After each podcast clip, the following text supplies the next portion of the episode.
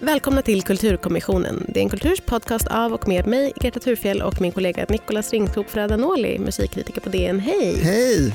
Förra gången vi spelade in så var musikkritiken Kajsa Heidel här för att prata om litteratur, eh, lite udda. Men du är här för att prata om just ditt specialområde. Musik. Musik. Vi ska nämligen prata om Kanye Wests nya album Jesus is King. Ja. Nikolas, du har döpt om eh, Kulturkommissionens eh, förkortning KK den här veckan till eh, KK som är kristen krishantering. ja, exakt. Det var det den skivan, den här skivan handlar om. Mm. Vad, Eh, vad vill du eh, liksom, eh, ta upp? ja, jag vill eh, ta upp hur intressant det här är i Kanye Wests utveckling och eh, jag tycker inte att det är liksom en helt ny sida av honom utan snarare en utveckling av en, eh, en sida som funnits hos honom hela tiden. Men det ska vi prata mer om snart. Intressant. Jag ska eh, spela upp för dig tre gånger på Jesus is King när jag eh, blir eh, kristen. Mys.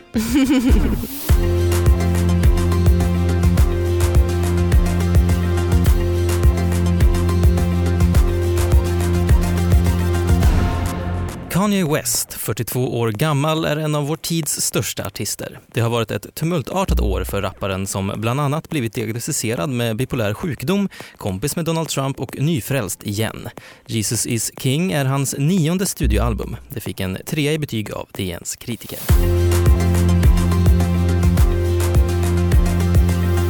Nikolas, tycker du att eh, Jesus is King är en eh, bra skiva? Ja, Vad kul att höra, det Ja. tycker jag också. ja vad härligt och mysigt.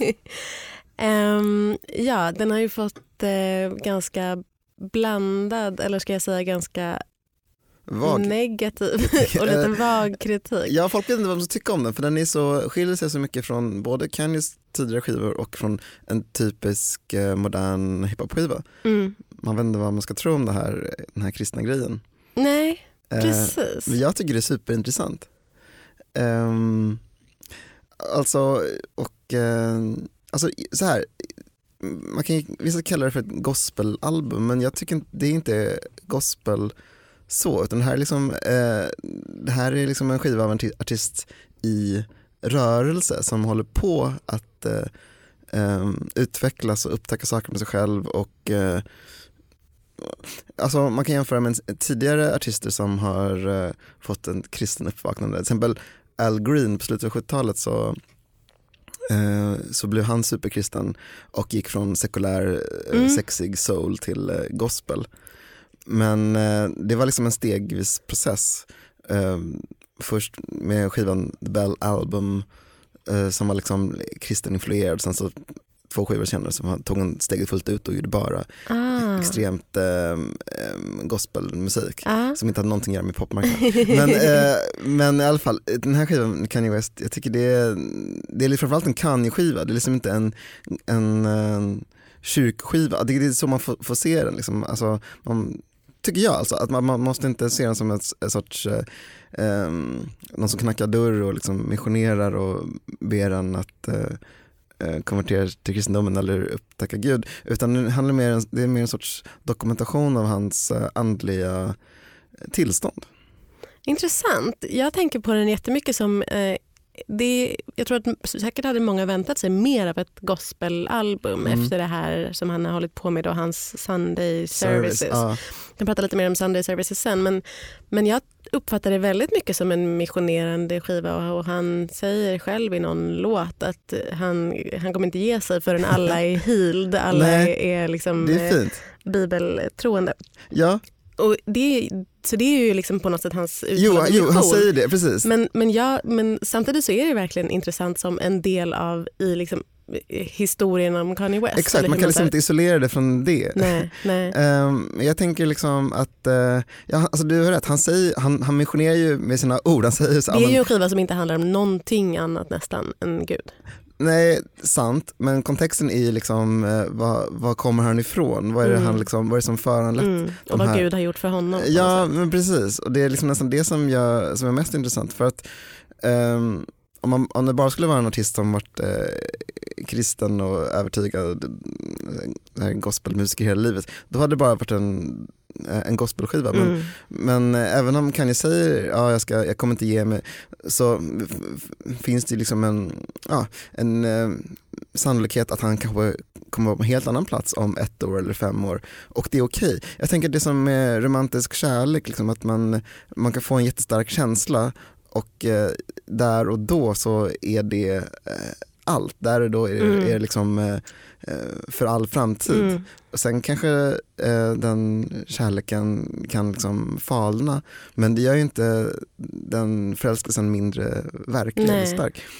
Och inte albumet mindre kristet. Nej, exakt. Eller Han- exakt, exakt. mindre kärt. Precis. Så. För att eh, eh, jag, har, jag har inte riktigt exakt koll på kritiken som Kanye har fått från the Christian community men han säger själv i någon låt tycker jag är väldigt starkt. Han bara, ah, men de, vad, hur är det med the Christians? Ah, de, är Mm. de, de, första som skulle, de är de första att döma mig. De får mig att känna att ingen eh, någonsin älskar mig. Mm. Och jag tycker det är så gripande för att det är han liksom, eh, det är som att han är sårad över att eh, han blir missförstådd eller eh, misstrodd när han har den här innerliga eh, resan på gång. Att folk tycker att han är liksom fånig. Mm. Men det gör på något sätt hans, eh, det gör liksom allting ännu starkare på något sätt. Att han, är, han har alla emot sig. Han har liksom sina eh, gamla fans som vill att han ska göra en hiphop-skiva emot sig. Han har eh, liksom, eh, de, de bibeltrogna kristna emot sig som tycker att han är en fåntratt. Och han Men har, alla tycker inte att han är en fåntratt. Vi ska berätta lite mer om liksom hur han har blivit mottagen av så här, det kristna communityt Ja. sen. Men, men ehm, det, ja, det jag ville fråga dig var så här, eh, om han säger att hans mål, vilket han har gjort, han har Mm. sagt att hans mål med den här skivan är att omvända icke-troende till kristendomen. ja. Tycker du att han lyckas han med det? Lyckas han med det för dig? Känner du Ehm. dig religiös när du lyssnar på skivan? Ehm, jag känner mig eh, religiös till en eh, religion som Richard Wagner förespråkade, det vill säga konsten. Mm. För den här skivan är ett så himla starkt exempel på hur eh, stark konst kan vara för en, en konstnär och hur liksom rörande och gripande det kan vara. Sen blir jag kanske inte övertygad om att eh, kristendomen är vägen framför mig, men, men jag, jag tycker skivan är väldigt stark. Men jag blir, jag blir själv inte omvänd. Jag, den dörrknackningen liksom, eh, lyckades inte. Du går inte på det. Eh, Jag ska säga dig att jag går, på, jag går verkligen på det. Jag ska Härligt. spela upp tre exempel på när jag har blivit eh, kristen av att lyssna på Jesus is King. Här är det första.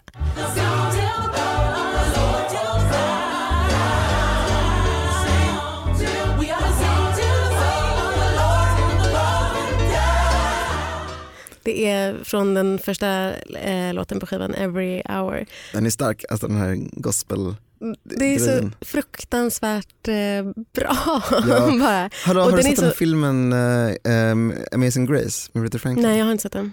Den, det är verkligen gospel Ja. på samma nivå. Ja. Eh, där blir man också väldigt tagen. Tips. Men okej, vad skulle du säga? Förlåt. Det är hans eh, Sunday service eh, som, som sjunger och som återkommer eh, flera gånger på, på skivan. Och Sunday service är det här som han har, som han har hållit på med det senaste året. Ja. Ish. Han har liksom anordnat i Ja. princip gudstjänster. Det är så kul eller typiskt liksom honom att-. Ja, men det, är så- det, det räcker inte för honom med att bara gå i kyrkan på söndag. Han måste liksom göra måste ett koncept egen. av Ja, det. precis. Ehm, men det, och den här låten är så vacker därför att den också är... Det, man vet inte om det är bara att den här kören sjunger eller om att det är... För det liksom, den, den, man blir så här yr av den för att Mm. det liksom, körerna går in i varandra och liksom Ja. musiken, eh, ibland är musiken i fas med, Ja. med, med kören och Ja. ibland är den inte det och det är väldigt så här, Det är upphackat, det är modernt. Ja. det är väldigt eh, modernt. Ehm, men här är det andra tillfället då som jag blir det. Mm.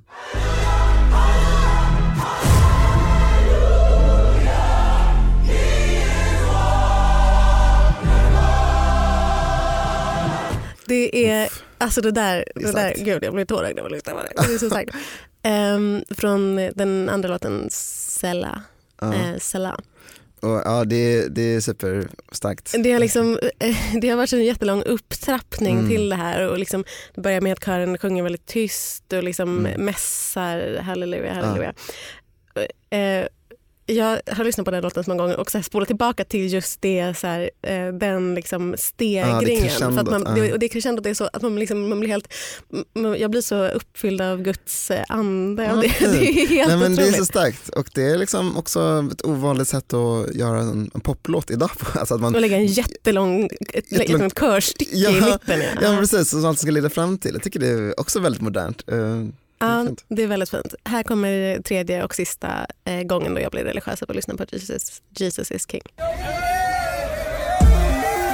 How you get so much favor on your side? Accept him as your Lord and Savior, I replied. Eh, ja, introt till eh, On God som jag tycker är den bästa eh, låten på Ja, skivan. den är så bra. Ehm, den, det är min favoritlåt och det är kanske också den låten som jag tänker mest är så här en ehm, eh, The Old. Kanye-låt. Ja. Den låter väldigt mycket som en Kanye-låt och han är så här, eh, men om man liksom i många andra eh, av låtarna så här, inte riktigt känner igen Kanye eller liksom är så här, ah, det här är verkligen en ny, en ny sida av honom eller Mm. liksom ett nytt sätt för honom att vara artist på något sätt så är det här en låt där, man tycker, där jag tycker att han ändå är väldigt lik sig och där jag känner mig så här, ah, try, tryggt att han finns kvar. Typ. Den låten slutar med ehm, att han eh, klagar på att eh, Skatteverket tar allt han äger och har. Och, eh, det är så kul för att eh, han är så här, man that's over half of the pie. Och eh, säger då så här, ja, att så här, that's why I charge the prices that I charge. Ja, I can't be out there dancing with the stars. Ja, no I cannot let my family starve. Eh, och, och grejen är att i den stunden när man lyssnar på det så känner man ju så här, god damn it, han ska inte starve. Han har fyra barn. så är han och hans eh, fru Kim Kardashian så, eh, USAs eh, topp, topprikaste. Men jag tycker det, var ganska, det är ganska intressant just de här raderna för att då får man inblick i liksom, eh, ekonomin för så kändisar. För att eh, eh, okej, man kan vara dancing with the stars, man kan vara med i en massa så här fåniga tv-program och Mm. eh, liksom få lite kosing på det sättet. Eller så kan man bara, eh, jag vill bara göra min, eh, min konst eller mina saker, okej men då får jag ta lite högre priser. Ja, precis, att det är så här, han har fått så mycket kritik för att hans eh, kläder är så jävla jävla dyra, vil- vilket de ju är. Eh, och att han bara, nej men det är för att jag ska slippa vara med i eh, Let's Dance. Ja, och jag fattar verkligen Ja, ja, det. För i den stunden så känner man så här, nej han ska banne mig inte behöva vara med nej, i. Dancing with the Stars. Fy fan vad hemskt. Kim Kardashian har ju varit med i Dancing with the Stars för väldigt länge sedan. Okej, Eh, men, men hon skulle ju inte göra det idag. okej, Eh, och det säger, men det liksom säger någonting om deras, så här, också att de är så här, nej jag ska inte behöva göra det men jag vill ändå vara jätte, jätterik. Och i alla andra fall hade jag inte sympatiserat med en kändis som inte vill betala skatt. Men nu känner jag så här, fan om det är någon som inte ska behöva betala skatt så är det de. Ja, nej det, det är kul. Det, det, Man går på det liksom, för att man älskar honom så mycket i den stunden. Ja men också att han, jag tror det är också hur han eh, Hans inlevelse när han eh, rappar eller sjunger, liksom, att han är så himla övertygande, han är så en- engagerad. Så Mm. Det blir liksom på blodigt allvar alltid. Um, Vilken är din favoritlåt på skivan? alltså, eh, On God skulle jag säga och även den här eh, eh, låten eh, med eh, Kenny G, den här sjuka eh, Use This Gospel. Mm. Eh, för att det är ganska intressant för att där har han samarbete med gruppen Clips som sedan länge varit klippt i två för det är eh, två rappare där, två bröder, Pusha T och Malice. Malice kallade sig numera för No Malice. för Mm. Han, Han har också blivit omvänd. ja, det är precis. Han blev Det är väldigt rart. Ja, exakt. Det är väldigt rart. Han blev omvänd för länge sedan. Och, ehm, men han liksom eh, gjorde den här, den här låten liksom med, för att nu, nu går det bra att göra en låt med Kanye West om han är kristen. Ehm, men också för att eh, det är så sjukt att Kanye har med Kenny G. Det, det säger någonting om eh, Kanyes musikaliska eklektism och eh, härliga oförutsägbarhet. För Kenny G är liksom den mest bespottade saxofonisten som finns. Mm. Han var liksom supersmörig eh, pop jazz saxofonist som liksom slog igenom i slutet av 80-talet som ingen skulle ta med i tång. Och om man ska ha med ett saxofonsolo i en låt 2019 så hade det naturligt varit valet varit att ringa Kamasi Washington Mm. sånt där. Mm. Men Kanye West han, han tänker lite annorlunda, han vill, han vill ha det här smöret. Han vill inte ha, just där då vill han inte ha något coolt och frijazzigt. Så han liksom spelar in Kenny G, jag tycker det är briljant i sin knäpphet. Ehm, men ehm, Jag tycker det är så många bra låtar här. Men alltså, frågan är, är det här så nytt för Kanye egentligen? För att jag tänker att det här har alltid varit en sida hos honom. Alltså Jesus Walks var Mm. en av hans allra första Mm. Det singlar. står i genombrott typ. Ja precis, Mm. och det är ganska kaxigt att det inte bara var liksom en albumspår utan det var liksom en singel, Han- det var en statement, ja, men det här är viktigt för mig med kristendom. Och eh, även när han gjorde den skivan Jesus Mm. eh, med låten I am a God, alltså där, det är ganska intressant att han eh, liksom hela tiden måste liksom tjafsa med sin religion. För det är liksom en provokation som ingen har bett om. Det är liksom, det är som en sån meme, eh, no, no one colon, Kanye West, I am a God, skivan Jesus.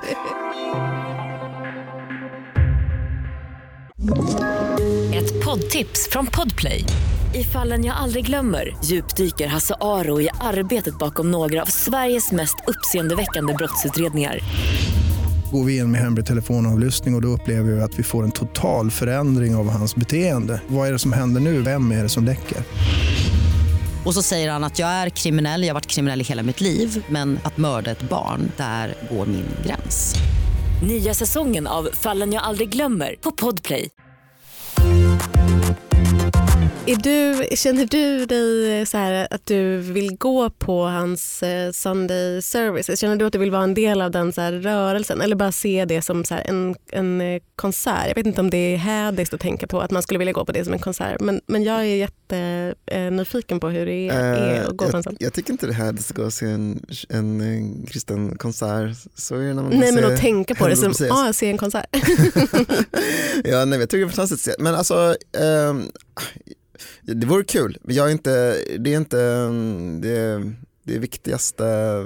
Det är som det prio ett på min Kanye-lista. Jag skulle hellre höra alla hans eh, inspelningar från eh, Yandi-projektet som han nu övergett. Precis. Det är Han lite som... tar ju eh, upp det liksom i, typ på första eh, låten där man Ja. hör honom. Ju, och så, så här, ja, Ja. så här, alla ville höra Yandi men Ja. sen så kom Jesus and did the laundry. Det är så, eh, han har liksom, eh, och, för det är ju verkligen en tvättad skiva på många sätt som vi kan återkomma Ja, till. och eh, det, jag, men jag också tycker det är mysigt att det finns liksom här mystiska albumet som inte kommer någonsin få höras liksom i sin helhet. Det är lite som Beach Boys Smile som eh, spelades in och sen liksom övergavs och sen fick man liksom eh, skivan Smiley Smile istället och med lite, och lite eh, överblivna spel, inspelning därifrån som kanske är nu den här eh, Jesus is King Kanye West Smiley Smile. Men eh, ja, jag vet inte, jag, tycker det jag gillar den eh, mytologin som automatiskt infinner sig nu. Jag tycker också det är jättespännande. Jag, men jag är också väldigt nyfiken på att höra eh, Yandi. Ja, om, man- det, ja, jag med, det fanns några låtar som läcktes och, och nu är de lite svåra att få tag på. Alltså Mm. det, det är Inga en- sätt som vi kan uppmuntra. Nej, exakt. Eh, det är en djungel. Ja, det som, är, eh, liksom, som man har pratat om mycket med den här skivan då är ju hur den så här förhåller sig till både den här, han, jag tycker det är så svårt att veta om man ska räkna eh, Jay som kom här om Varför året. inte? Nej, men därför att, ja, men, och, eh, på sätt och vis så ska man ju det. Jag kanske bara räknade den in, jag kanske bara inte räknade den för att jag typ inte lyssnade på den. eh, eller jo, jag lyssnade på den en del. Men, men, ehm, men jag, ja, den, och den var så här, bara att jag minns den inte. Jag, när jag tänker på vad var det som kom innan så tänker jag verkligen, verkligen, verkligen mycket mer på Life of Pablo som ju var Ja, det är mästerverk tycker Eh, jag. Alltså det är sånt mästerverk. Jag blir, också, eh, jag blir återigen tårögd när jag tänker på hur fruktansvärt bra den skivan är. Också vad jag är lite, om, jag, om jag är sur på Kanye för någonting eh, så är det att den här skivan är så kort. Ja, men kan jag tänkte på det här, kan man inte se eh, Jay och eh, den här Jesus is King som två sidor av samma skiva? Jo. De är så himla korta båda Jo. två, så om man lägger ihop dem som en A och B-sida blir de ändå kortare än Laffe Pablo. ja, och Men- det är typ så före och efter i, Ja. i Kanyes liv. Ja precis, Ja. och båda liksom dokumenterar liksom, eh, verkligen i nuet hans Mm. eh, resa. Och, ehm, jag, jag, Men det är bara att man vill ha mer. man alltså jag mer, känner, ja. För Life of Pablo är så jävla lång ja, och den är, så, den är så bra. Den är så ja, fruktansvärt underbar. bra. Så många bra låtar. Men, Och då känner jag mig snuvad på liksom det jag hade kunnat få av honom. Jag vet att det måste finnas mer. Ja men jag tror, liksom, eh, om det är någon tröst så kommer det ju komma mer. Det är, inte som att han är slut som artist nu och nu ska han liksom bara ägna sig åt Sunday service och inte göra några mer skivor. Nej, jag vet. Han har sagt han- att han ska släppa en ny skiva i, i december. Typ. han är så hy super. Men det får man se. Jag är, mest, jag är lite orolig för att han har slutat med sin bipolära medicin. Att, eh, för det är tydligen en anledning till att den skivan blev som den blev. Mm, mm, Att han, eh, att han för här, förra skivan, Jay, som kom förra sommaren, mm. då kom han ut som bipolär och så, eh, att han började ta medicin och så. Och sen så blev han inte nöjd med musikanspelningen efteråt och så, så slutade han ta sin medicin och så skrev han på Twitter, och nu har jag slutat ta medicin för att det är nog bäst så. Mm, Jag, den jag, hindrade mig i min det hindrade mig, kreativa precis. process. Och Ja. ja. Precis, och han skrev att hans eh, tidigare bästa skivor gjorde han utan medicin och så.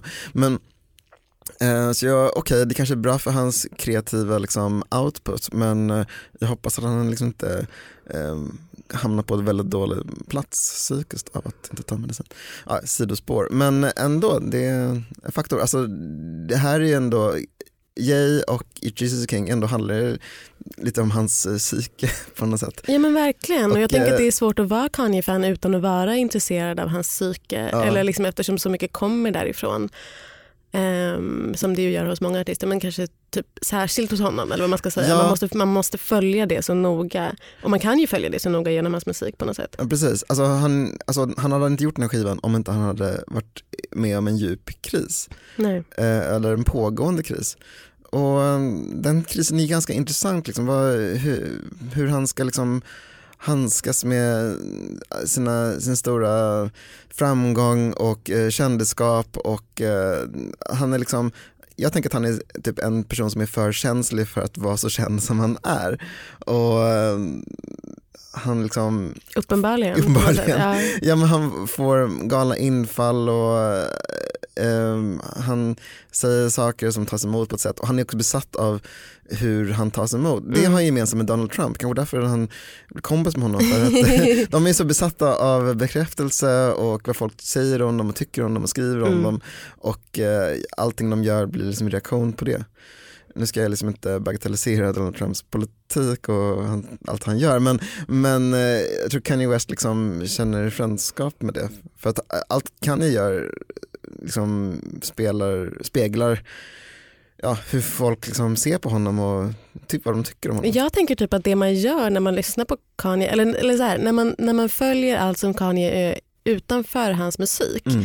så är det ganska lätt att bagatellisera det. Eller Ja. förstår du vad jag menar? Att man, Mm. man, man kanske inte känner sig som en så god människa när man gör det men man känner sig typ ganska man, man känner sig väldigt, eh, liksom, att man, man, jag är inte så intresserad av att han är kompis med Trump. Alltså, han är väl inte kompis med Trump men, liksom, men allt det här med när han hade kepsen på sig hit och dit. Jag bryr mig typ inte så mycket om det. För jag tänker att det är så här, allting som händer runt om hans musik och allting som är allt som händer omkring så här, det som händer inuti honom är så här, ja det är väl konsekvenser av eh, det som händer i honom och, och han är inte Japp. så stabil Exakt. och han vet inte vad som är bäst för honom på något sätt. Exakt. Nej, men Eh, jag håller helt med. Alltså man, känner mer, man känner mer ömhet för honom Ja. när han gör såna där saker. För Precis. man känner bara, "Åh, nej nu gör du fel igen och nu gör du fel igen och nu gör du fel igen och det här kommer så här straffa ut sig jättemycket Ja. för dig. ja.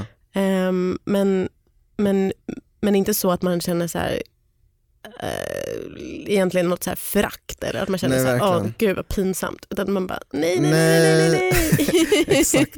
Jag tycker på mig lite om, eh, eller när han sa den här om slaveriet och sånt. Mm. Eh, jag tycker på mig lite om, Han eh, sa eh, att eh, slaveri var ett eh, val. Ja Alltså att, att svarta slavar i USA Ja. var ett val. Bara för kontext. just det. Och då känner man, eller känner jag, ehm, jag vet inte, det säger så mycket, mycket mer om honom än om debatten om slaveri. Alltså det, Mm. det, det är bara dumt att försöka bemöta det. Men, eh, men som du säger, när, han, han håller på med sånt där, eh, när han liksom helt eh, trainwreck, liksom, Mm. såna galna saker, då känner man mest så här ömhet. Jag tänker på när Lars von Trier eh, var i Cannes och eh, sa sådana saker om Hitler, samma sak, att, eller liksom en, en eh, känslig, galen konstnär eh, som tyvärr har fått en mikrofon.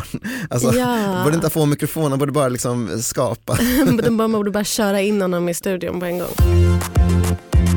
Det finns ju i och för sig mycket att säga om hans liksom, eh, mission som eh, nykristen eller Mm. som så här, evangelikal kristen då, som är den liksom, församling som han har slutit sig till eller liksom, närmar sig. så. Ja. Och hur den så här, eh, hur, hur liksom politisk den rörelsen är. Mm. Eh, den kristna rörelsen. Jag tycker hans så här, roligaste mission som han har är att han har sagt att han skulle vilja att hans fru Kim Kardashian klädde sig lite mer sedligt.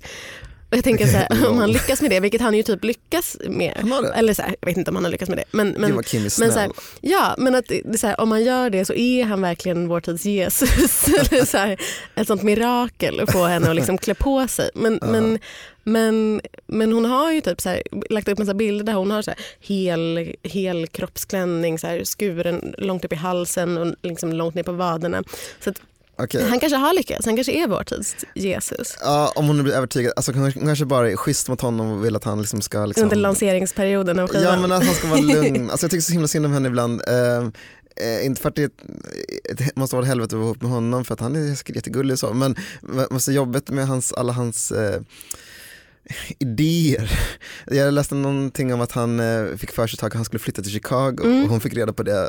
Mm, på Twitter. På Men han Twitter. har ju gjort det också, han gjorde ju det.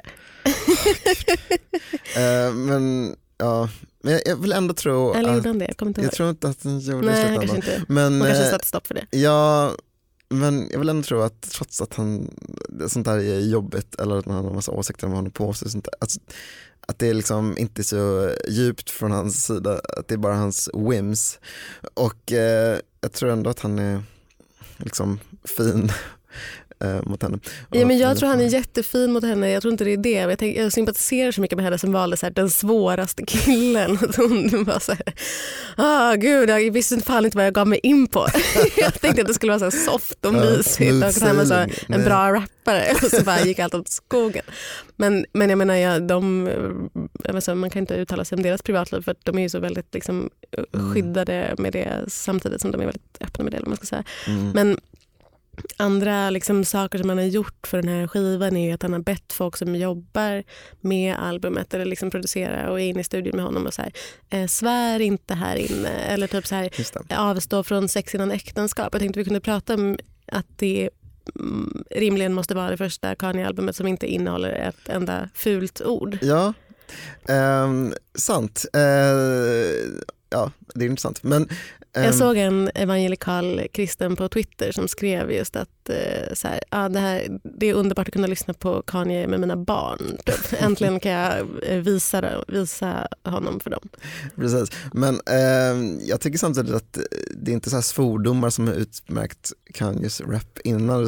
Eller, skillnaden är väl vad han väljer att rappa om som ämnen. Liksom. Mm. Innan har han varit så intresserad av liksom, synd, om man säger så. Men, men jag tycker det är, det är han fortfarande, det är bara, nu är han bara på andra sidan. Han har alltid varit sån moralistisk eh, rappare. Även på Life- vilket sätt? Jo men till exempel Life of Pablo, den är Mm. superintressant för den handlar om den här eh, kampen mellan eh, att liksom välja den harmoniska, goda vägen Mm. och att lockas av synd, och, som i Kanyes fall är liksom sex. Ja. Och det är bara att kolla på om, det skivomslaget som är superövertydligt. Det är en foto på en mysig familj, en foto på en, liksom, en halvnaken tjej. Naked lady. Ja, och så står det liksom uh, which one, står det liksom mm. på, tryckt. Så man ska liksom, eh, det handlar om valet och så där har han hållit på hela tiden. Och eh, jag, jag tycker det är intressant, just nu har pendeln svängt åt det här hållet, att han bara nej, jag måste helt och hållet ägna mig åt den rätta vägen. Jag står inte ut med synd. Eh, Och just kanske just det, det han behöver just nu, asketism och så. Ja, är det ett sätt att sona för hans tidigare synder tror du? Ja, och det intressanta är att han ser det som synder men den andra Ja. kanske ser det som helt normal livsstil. Eller, till exempel, han pratar i en intervju nyligen i en radiokanal om ehm, eh, med Apple Music tror jag, om eh, sitt porrmissbruk Mm. eh, som han haft sedan han var Mm. liten som Mm. sen övergick till ett sexmissbruk. Ehm, ja, att han liksom har problem med det, eller haft problem med det och nu liksom ser en sorts lösning i att bara, nej nu ska jag bara vara helt clean, nu ska jag, den här låten Water liksom är så Mm. talande, eh, när han, han pratar om att eh, han vill vara ren som vatten och eh, han vill att liksom, Jesus kärlek som, och Guds kärlek ska Mm. skölja honom som vatten. Döpas på nytt. Liksom. Ja, jag tycker det är fin bild liksom. Ehm, och intressant liksom, i sagan om Kanye. Och sen så kanske pennan kommer svänga åt ett annat håll men ehm, det kommer inte göra den här skivan mindre ehm, intressant eller mindre stark. Vill du att den ska svänga? Alltså saknar du på något sätt, man, det, det man saknar är ju kanske inte då främst eh, svordomarna men, Nej. men men om man tänker att det här är en bild av Kanye, saknar man den andra bilden eller den gamla bilden av Kanye eller, eller hans gamla produktion? Liksom? Alltså, ja, nej. Eller saknar man, längtar man till att det ska återkomma? Ja, alltså det, det jag kan sakna är hans eh, liksom, konstiga humor och, Mm. och liksom, udda infall. Eh, texterna, eh, för den här, de här texterna är ändå väldigt eh, raka och övertygande. Liksom, han kommer med liksom, olika bibelcitat, Mm. gulliga små referenser. Mm. Det här är John 3 och sånt. Men det är inte så mycket snack om croissanter och Nej, room service. Precis. Fast i och för sig, men han- det är fint, det är som en så läsanvisning till Bibeln Ja.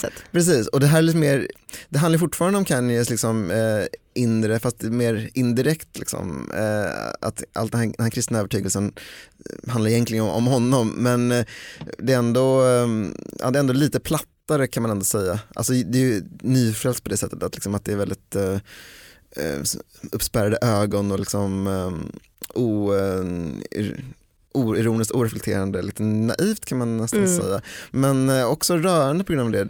Det finns en låt, är det On, on God när han rappar This is my life, this is my wife? Nej, det är en annan låt, vad heter nu den?